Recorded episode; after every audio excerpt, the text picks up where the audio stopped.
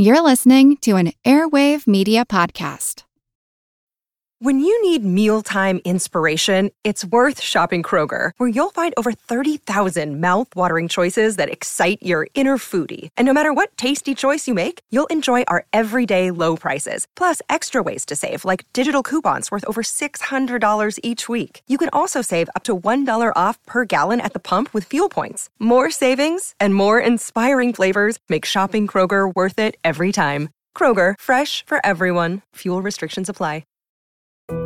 We all know how important it is to keep your eye on the money, and not just your own. Stay on top of the latest financial and market news with Yahoo Finance, a podcast that releases new episodes almost every day.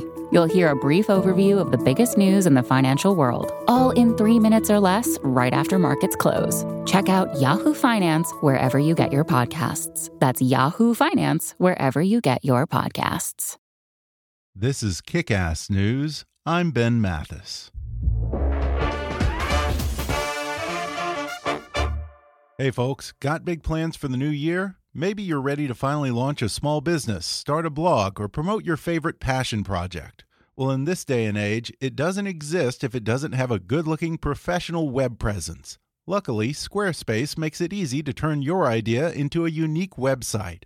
Showcase your work, publish content, even sell products and services of all kinds in just a few clicks. You can customize everything from the look and feel to settings and products using beautiful templates created by world class designers. And there's nothing to install, patch, or upgrade ever. Head to squarespace.com for a free trial. And when you're ready to launch, use the offer code KICK to save 10% off your first purchase of a website or domain. Again, that's squarespace.com and offer code KICK for 10% off. And now, enjoy the podcast.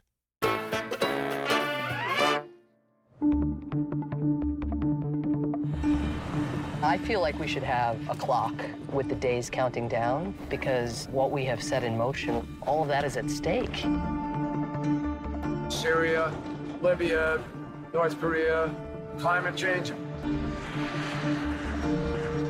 We have about as full of an agenda as any administration has ever had. I'm always feeling a sense of urgency to try to get as much done as possible. You're sitting here and you're realizing the stakes. All right, let's do this. What's happening in Syria is beyond frustrating. It was a dark, devastating day. I will never stop trying to stop the war if there's a chance of finding a way forward. People need to be the center of our foreign policy thinking. What Russia has done is wrong. Is there nothing that can shame you? History really doesn't follow a straight line. It zigs and zags. The trend lines ultimately will be in the direction of a less violent, more empathetic, more generous world. That requires individuals fighting for that future. I still believe the most important office in any country is not president or prime minister. The most important title is citizen. Hi, I'm Ben Mathis. Welcome to Kick Ass News. That was a clip from a new film called The Final Year, which follows President Barack Obama and key members of his foreign policy team, including Secretary of State John Kerry, National Security Advisor Susan Rice, UN Ambassador Samantha Power, and Deputy National Security Advisor Ben Rhodes during the final 12 months of the Obama presidency as they try to run out the clock and resolve some of the world's most urgent humanitarian crises, from Boko Haram to the war in Syria and leave the world a better place before President Obama's time in office is up. It's the work of Emmy Award winning documentary filmmaker Greg Barker, whose previous films have included the acclaimed Ghosts of Rwanda for PBS Frontline and HBO documentaries Sergio, Manhunt, and Homegrown The Counterterrorism Dilemma. Today, Greg Barker returns to the podcast to talk about how he managed to get such intimate access to President Obama, his top diplomats, and security advisors during Obama's final year in office, and how the Obama White House avoided the usual trap of becoming a lame duck administration in that last year by focusing efforts on the area where the president alone can make the biggest difference foreign policy. He reveals some of the heartbreaking humanitarian nightmares faced by UN Ambassador Samantha Power, what it was like for Secretary of State John Kerry to come full circle with a state visit to Vietnam, and why President Obama chose Greece for his last overseas stop as president. He likens the annual UN General Assembly to a sort of diplomatic speed dating, shares the conflicting narratives that tugged on Obama's final UN speech, gives a fly on the wall perspective on the Syrian peace deal that never was, and reveals what Ben Rhodes says was the administration's fundamental miscalculation about Russian President Vladimir Putin. Coming up with documentary filmmaker Greg Barker in just a moment.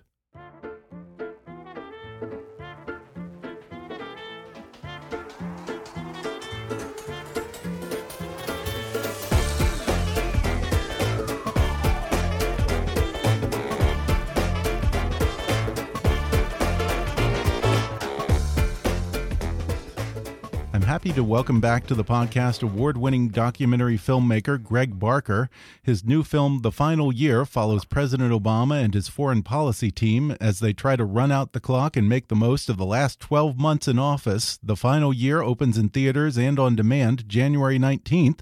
Greg, thanks for joining me. My pleasure. Thanks for inviting me. Great, great to be back, Ben. Well, Greg, this film follows not just President Obama, but other significant players in the administration, including Secretary of State John Kerry, UN Ambassador Samantha Power, National Security Advisor Susan Rice, Deputy National Security Advisor Ben Rhodes, and others. How did you manage to get that level of access? Uh, you know, it, it knocked on the door and said, "Hey, um, I'm Michael Wolff, and it's all off the record. no, I just, I, uh, you know, it's a, it was a process. I, um, I had this idea that, you know, I wanted to make a film about like inside government because I kind of, through my previous work, had been around those the, in those halls of power, and it just seemed so kind of different from the way we normally um, uh, perceive it, and uh, never saw the kind of the reality, the hum- on the on, the, on a human level. Um, you know, I never saw that portrayed filmically or uh, anywhere outside of like you know the West Wing or any other TV shows. Mm-hmm. Um, and I wanted to capture that, and uh, so I just pitched it, and people thought it was a crazy idea, but they were kind of intrigued, and eventually we got enough people across the bureaucracy to kind of buy in to, to, to try it, and then it just kind of built from there. One thing that stands out in this film is the degree to which President Obama and his team seem determined not to spend the home stretch just resting on their laurels. How did they manage to buck the usual trap of becoming a lame duck presidency in that last year? Well, I came to think of it as like a band movie. Basically, it's like a, uh, a you know a group of people who've been together for a long time, really almost a decade, around this lead singer, Obama. And, they, and they're doing the last album, and they know that this is the last album. And then, you know, the band will break up. And uh, they were genuinely trying to, like, get as much done as they could and kind of before they handed over power. Now, they thought they'd be handing over to Hillary Clinton or friends inside the new administration, which obviously that then becomes this kind of like darker edge to the film where it's almost like you feel like you're you're watching the uh, the Titanic as it sets off on its uh, on its voyage, and then you know we all know that the iceberg is looming, but but none of the characters do, and that obviously gives it a whole different uh, emotional and narrative tension that makes it really compelling. But they have were essentially clueless um, during the course of the year. As one might guess from the list of names that I just rattled off, the film and indeed the White House in that final year focused largely on diplomacy. Going into this, did you have some idea that foreign policy was where all the action was going to be in that last year? Uh, yeah, I mean, because historically, you know, the last year of a two-term presidency, um, you know, the pres a president tends to be pretty confined in terms of what they can do domestically, just because they kind of usually run their course. And mm. you know, I mean, if you look, Obama got health care and all that through early on, and you know, it becomes harder to get things done domestically. Um, foreign policy, the president has a lot of latitude, um, and uh, and most two-term presidents tend to focus on foreign policy in their last year, not exclusively, of course, but I just because um, that's my own personal interest. Um, it sort of dovetailed with with what I thought was likely going to happen in that last year, and that's what we've focused on. Yeah, I suppose when you look at the options of spending the last year focusing on domestic policy and wrangling with Congress just to get something done versus foreign policy where the president has relative autonomy and a lot of impact, that's probably a better use of that last 12 months from his calculation. Yeah, yeah, I think that's that's often what happens, and uh, um, I mean, certainly from from my perspective as a filmmaker, I just knew that it was we were likely to get more access through the foreign policy team, partly because I I just it's my expertise. I knew some of the players, um, and there's also on a practical level uh, fewer decision makers in a way. So the domestic team has a. If I was going to do the film about the domestic policy, there's just a lot more people who would have to buy into the idea, and we could. Uh, a whole different cast of characters. Right. And we, um, by focusing it, it was just going to make it more of a, you know, a, a film that had a clear narrative as opposed to something that was all over the place. But you know, the amazing thing is, of course, the president is dealing with all that stuff. So you know, he's got his whole, whole foreign policy team, which is doing this one. You know, they're doing with the whole world, and he's got to balance all that stuff in his and his brain. I mean, any president's got to do that. At the same time, they're dealing with a domestic situation as well. So one of the things I really did appreciate, which does come out in this film, is just the the sheer pace of uh, of what these jobs are about uh, uh involve, and how much we're asking of our leaders to kind of like grapple with very complicated issues, any one of which could provoke, if it goes wrong, could provoke some kind of global crisis. And yet they're dealing with you know dozens at the same time. And that's true across administrations. I just want to kind of like get inside that world and and humanize it some. So you know, we should criticize, you know, anybody in power when they do stuff we don't agree with. It's just helpful, I think, to kind of have a better understanding of, of what the what their world actually looks like, so our criticism can be more pointed and and, and, and more impactful. Yeah, and just the sheer amount of travel that the president and his team do just seems completely exhausting. Barack Obama did an unusual amount of traveling for a president in his final year. What do you think was the most significant trip during that time? I mean, there's a couple. I mean, I would say, you know, we filmed in 22 countries, and uh, you know, over the course of of uh, just over a year, and you know, we weren't even going everywhere. So that was, you know, it's exhausting, and uh, that's that, but that's the pace of those jobs. Uh, I think for, for me, the, there's a couple things. I mean, the most uh, kind of unforgettable moment for me while it was happening was uh, uh, in Hiroshima when Obama became the first president to to visit, you know, the Peace Memorial, Ground Zero, where they we dropped the atomic bomb at the end of the World War II, and and give a speech there, which was a kind of a meditation on the nature of of war.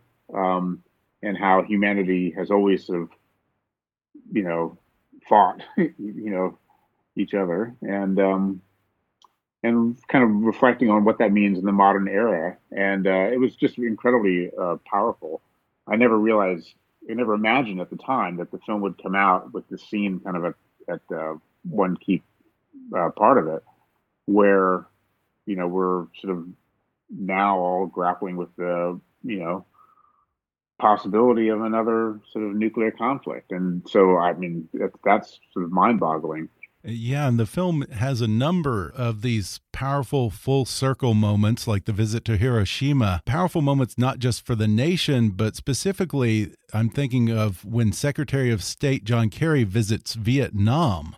On a personal level, what was that moment like for him? Kerry was a you know officer in Vietnam, and think it, that experience uh, shaped his entire life and became a very outspoken anti-war activist, having watched a lot of his uh, friends die for a war that he came to believe was completely uh, pointless, in fact, based on a lie. So then, for him to go back as Secretary of State and bring the President of the United States and sort of look at this country that you know is so vibrant and uh, full of you know vision and energy, and still lots of problems, of course, but particularly with regard to human rights. But kind of to engage this this particular country, you know, Vietnam, on a totally different level. I think it's just very. I think it's just deeply, deeply emotional for him. You can see it. I mean, the staff all said, "Where do you see the way he is in Vietnam?" And it's it's true. I mean, he was like totally engaged, and I think safe to say, you know, who loves the country um, and had some amazing encounters with with Vietnamese veterans you know, who, who, who he was fighting against. Some who actually witnessed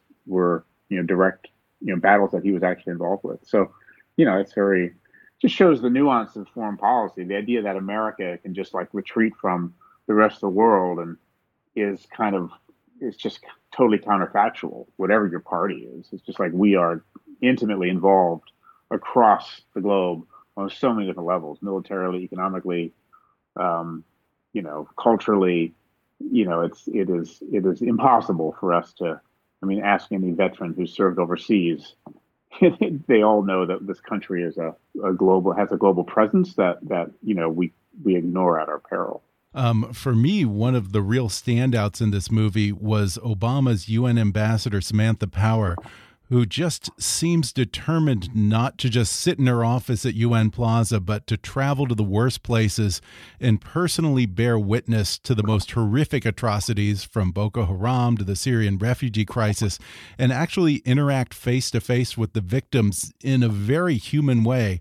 I have to say that it was a level of empathy and humanity that I'm not used to seeing from people in such high positions. I think that's one reason I want to make the film. I mean, it's actually, I mean, you know, Samantha Power feels that very uh, on a very deep level, stemming from her days as a journalist and um, you know witnessing events firsthand and feeling. I think she feels like no matter what your level of job is, you should engage the world in all of its complexity, which means you know getting out there and seeing what's really happening you know that is the space of, of diplomacy that that we don't often see. And I think that's one reason that they open themselves up to cameras. One of the things I wanted to accomplish in the film, because I feel very strongly myself that abstract foreign policy issues, you know, are usually portrayed in very sort of dry academic mm-hmm. terms. The world itself is usually is usually very opaque. What we're actually talking about are people's lives just ordinary people. And I think it's it's very easy for all that to become a, an, an, abstraction. So I think what Samantha was trying to do is just to kind of remind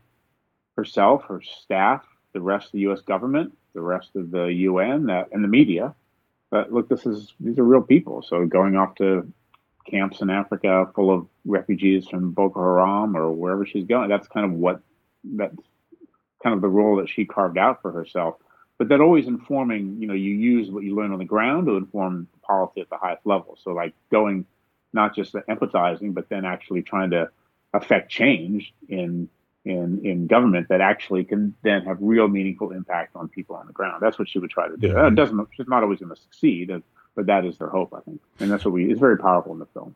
Yeah, and a good example of her personal humanity is this point during the trip to Africa where a child runs in front of her motorcade and gets hit and killed, and she ends up rearranging her whole schedule to visit the father and offer her condolences. I thought that said a lot about the kind of person Samantha Power is.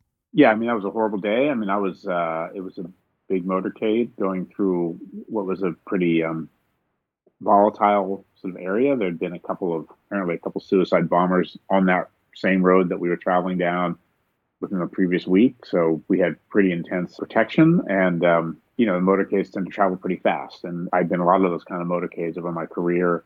As it happened, you know, I was in the vehicle behind the one that hit the, the boy who was just watching one of the helicopters overhead, part of the security detail, and and you know I think was running across the street to get a better view, and, and you know misjudged how fast the convoy was traveling. So he was he was hit, and unfortunately, we were in very heavily armored jeeps. So you know the impact was he was dead immediately. So I mean, that was for everybody.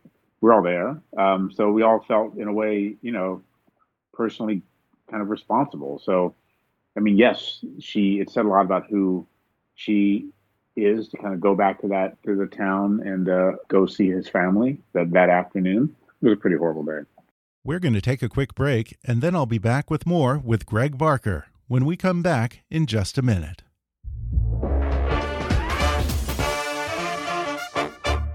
Support for today's show comes from an innovative shampoo. Introducing Control GX, the first gray reducing shampoo from Just for Men. Just for Men helps men look their best so they can celebrate who they are, what they achieve, and how they feel. They relentlessly innovate and deliver smart hair care technology that does the work for you, making it radically easy to get that natural look you want. And now, reducing your gray is as easy as washing your hair with Control GX. Just use it as you would your regular shampoo until you like what you see subtle, natural looking results. Shampoo in, rinse out, and move on. It's that easy. Most guys get the results they want in about two weeks. Look forward to a smart look. Because when you look as good as you feel, every date night, every meeting, every guy's night out will be something to look forward to. Get 25% off Control GX using code KICK at controlgx.com. That's code KICK to get 25% off Control GX at controlgx.com. And now, back to the podcast. There are people who would argue that global democracy has been in retreat over the past few years. Certainly, if you look at Russia, Venezuela, Egypt, and other countries. And yet, here was Obama pursuing an agenda of growing inclusiveness and global cooperation in the face of rising nationalism and authoritarianism around the world. Was there any awareness among the people you followed that while they may be right in the end, much of the world was failing to follow their lead, and in some ways, the administration was sort of swimming against the tide. Yeah, I mean, I think they were aware, and there's a kind of a pretty revelatory debate in the film between Samantha Power and Ben Rhodes, who was uh, one of you know Obama's main speechwriter for foreign policy, and uh, really a really close friend of his, so kind of like spoke for the president over over exactly this question as they were writing and preparing his final remarks to the UN, the question was, is the, is the speech that he was going to give to, too optimistic or not about the state of the world? And so kind of both are true. It's like, it's, it's the best time to be alive ever uh, because of there's less war, less disease than any time in human history.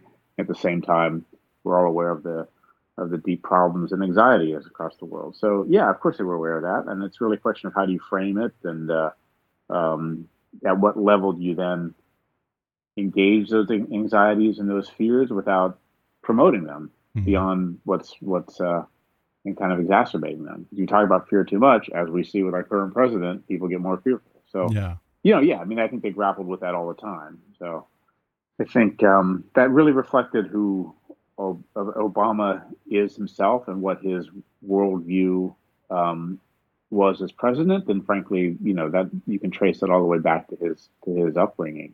So saw the world in a in a kind of multifaceted way, and that view of how America fit into the world and how should how we should engage with the world. Mm -hmm.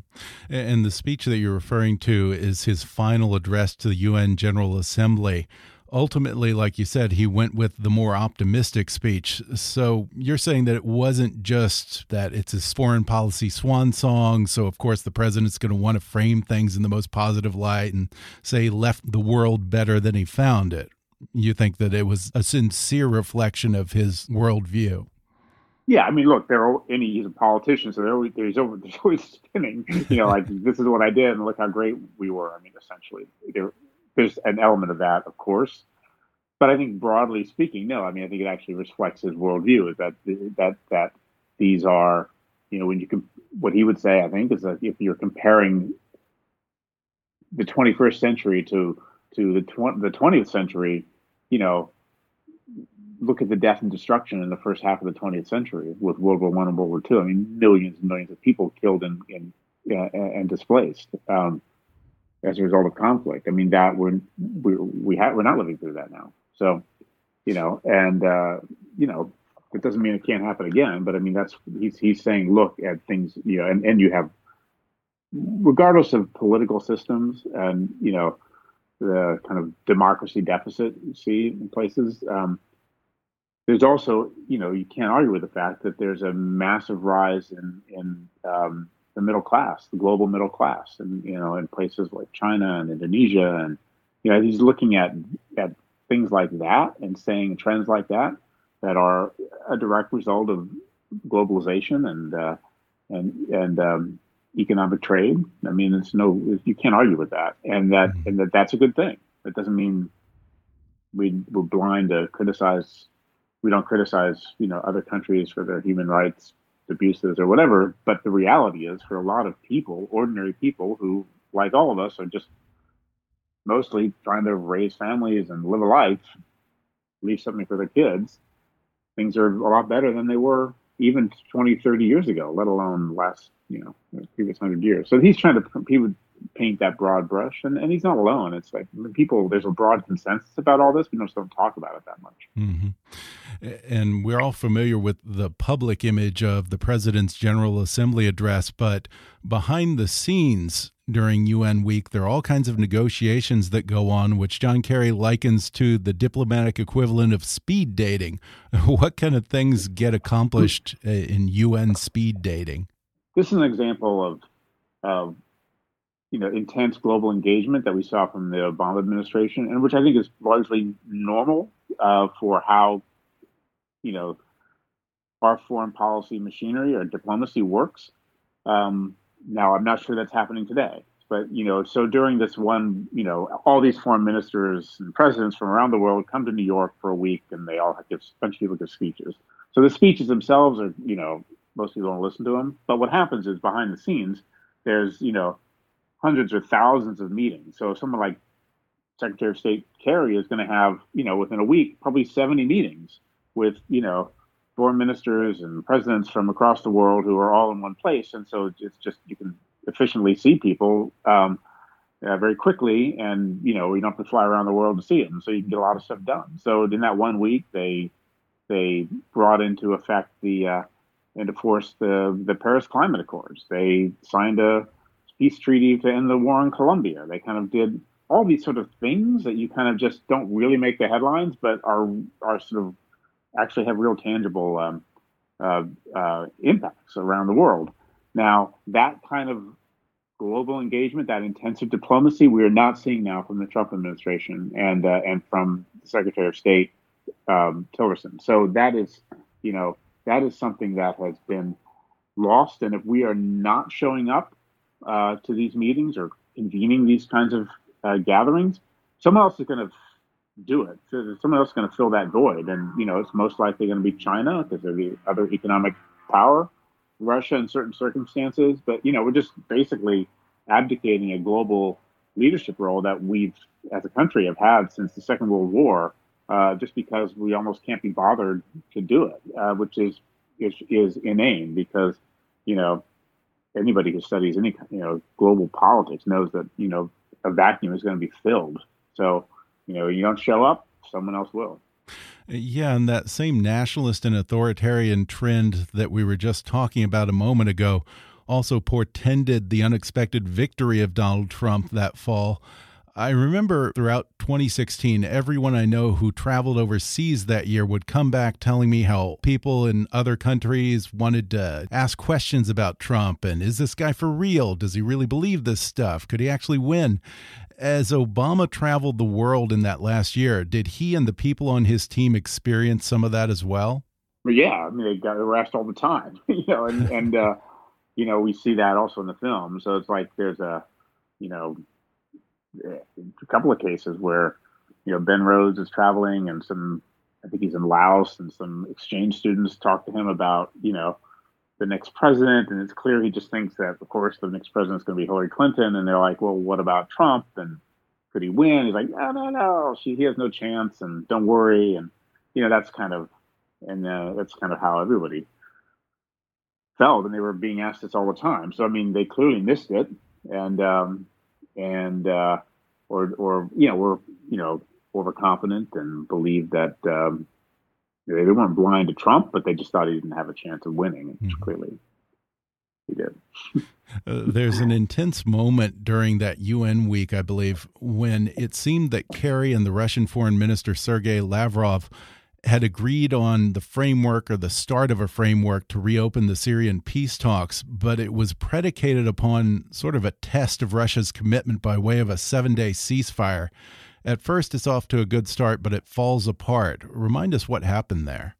So, the beginning of the year, um, uh, John Kerry said to me and to his whole staff that they were that Syria was his main priority, you know, and he wanted to kind of achieve some kind of like, you know, peace deal or you know some deal to sort of stop the, the, the bloodshed in Syria, and so and he pursued that you know relentlessly, and uh, throughout the year with incredible energy.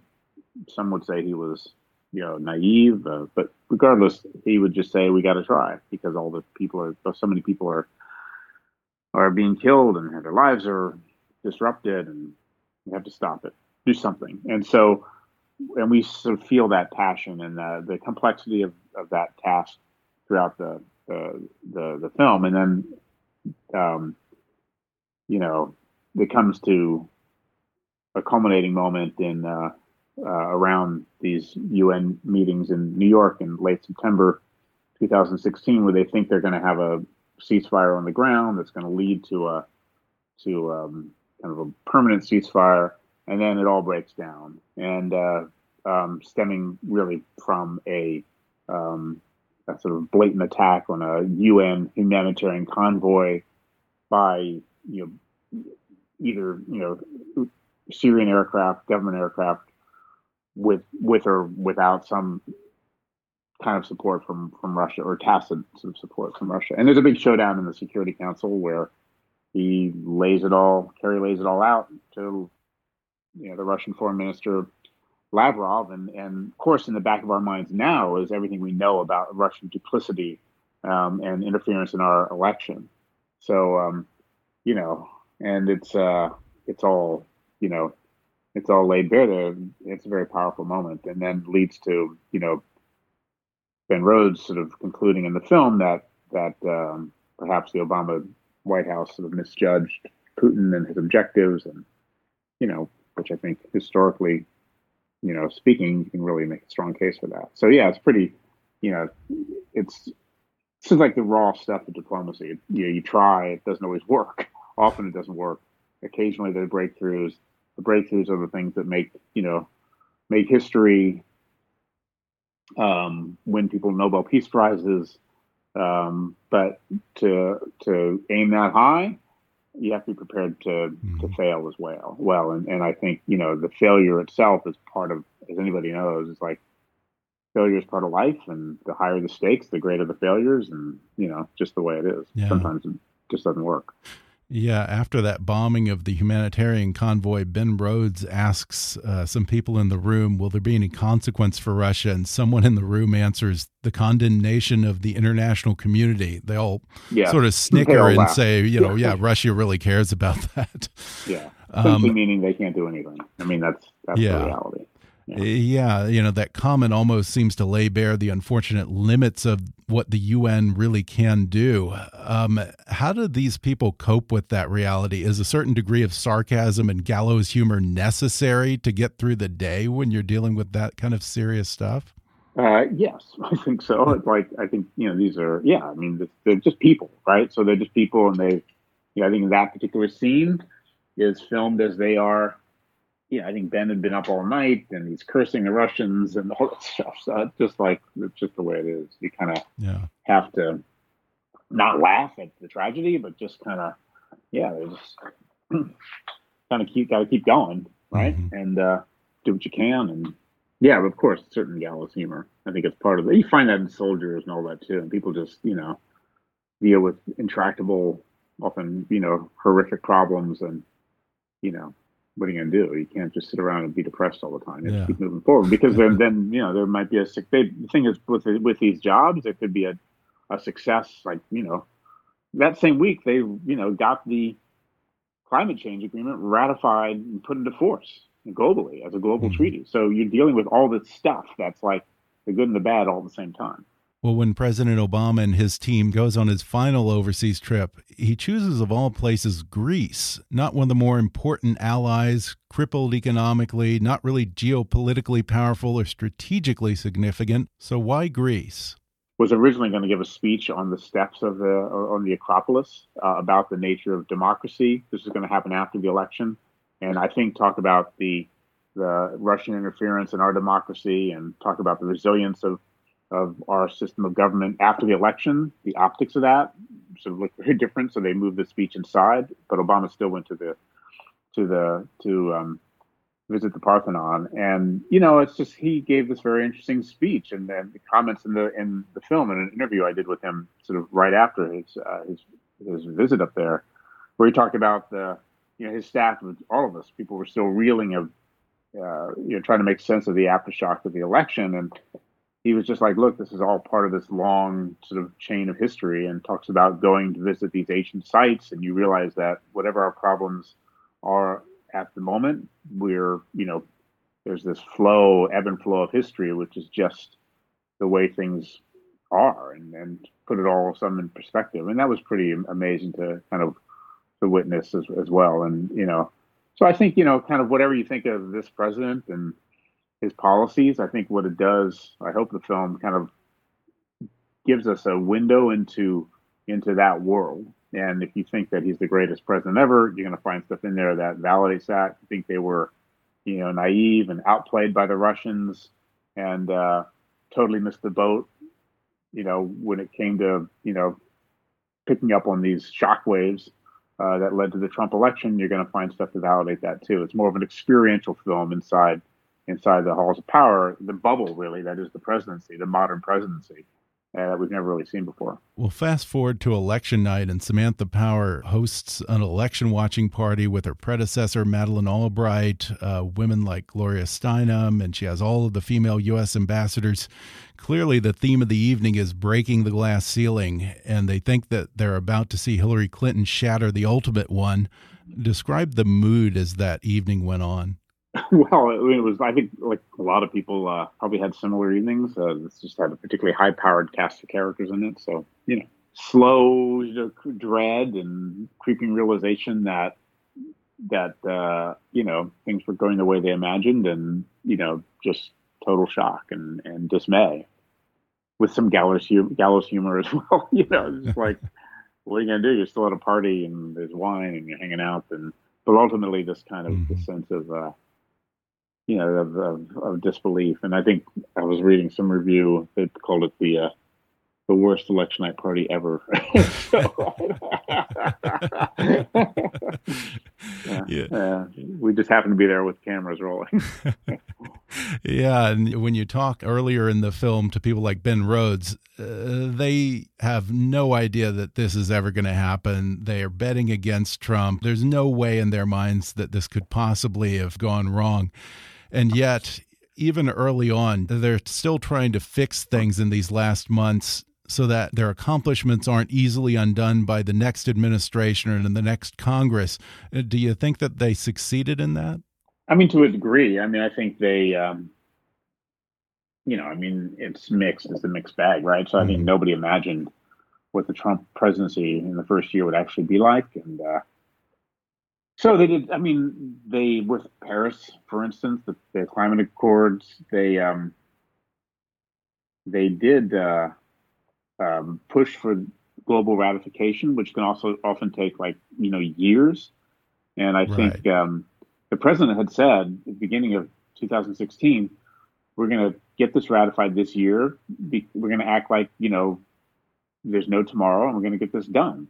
So you know, had he had he done the normal thing, which is like this treaty is going to take you know seven years to to get ratified globally, which is what had happened with the last climate agreement, you know that wouldn't that would never happen then. So you know they got that done, and so the U.S. can you know kind of withdraw, but the fact is it's still a global treaty that is largely being abided by. So you know, it's but I think on a broader sense, they you know they the, the you know the Trump foreign policy, if you can even call it a foreign policy, is so radically different from where from where they were at. It's kind of like it's hard to assess, um, and I think we won't know until time has passed. You know how much clearly, you know the the dismantling of our diplomatic machinery um, and the expertise within you know our government is, that's happening right now is going to take a long time to recover.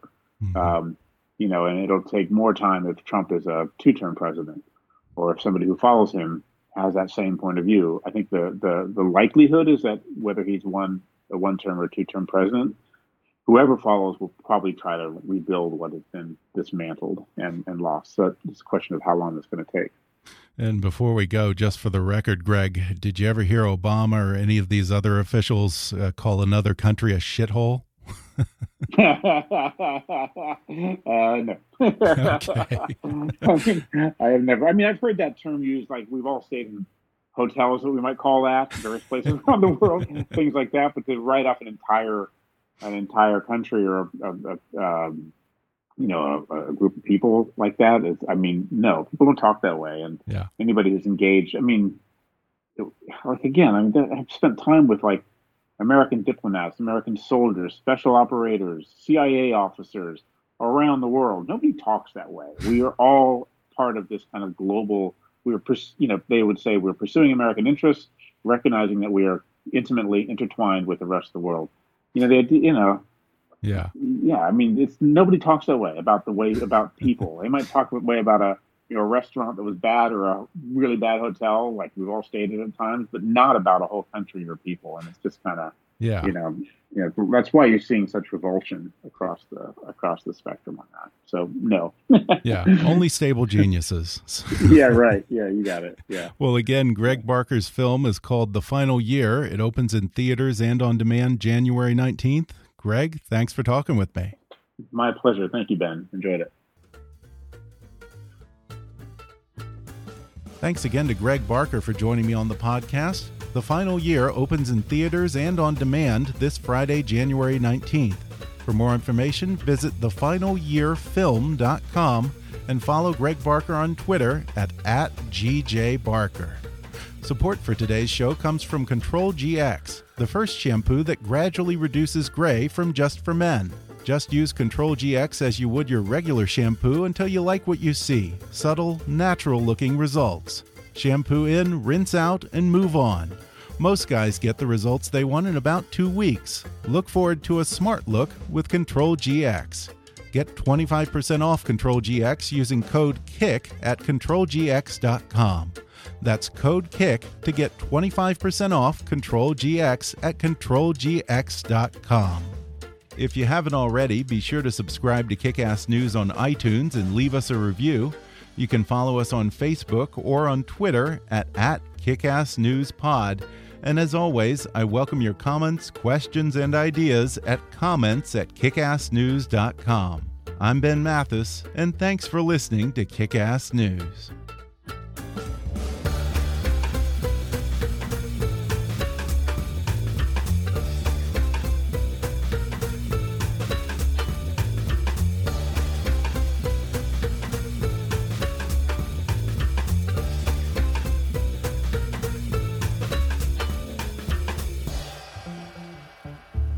Kickass News is a trademark of Mathis Entertainment, Inc.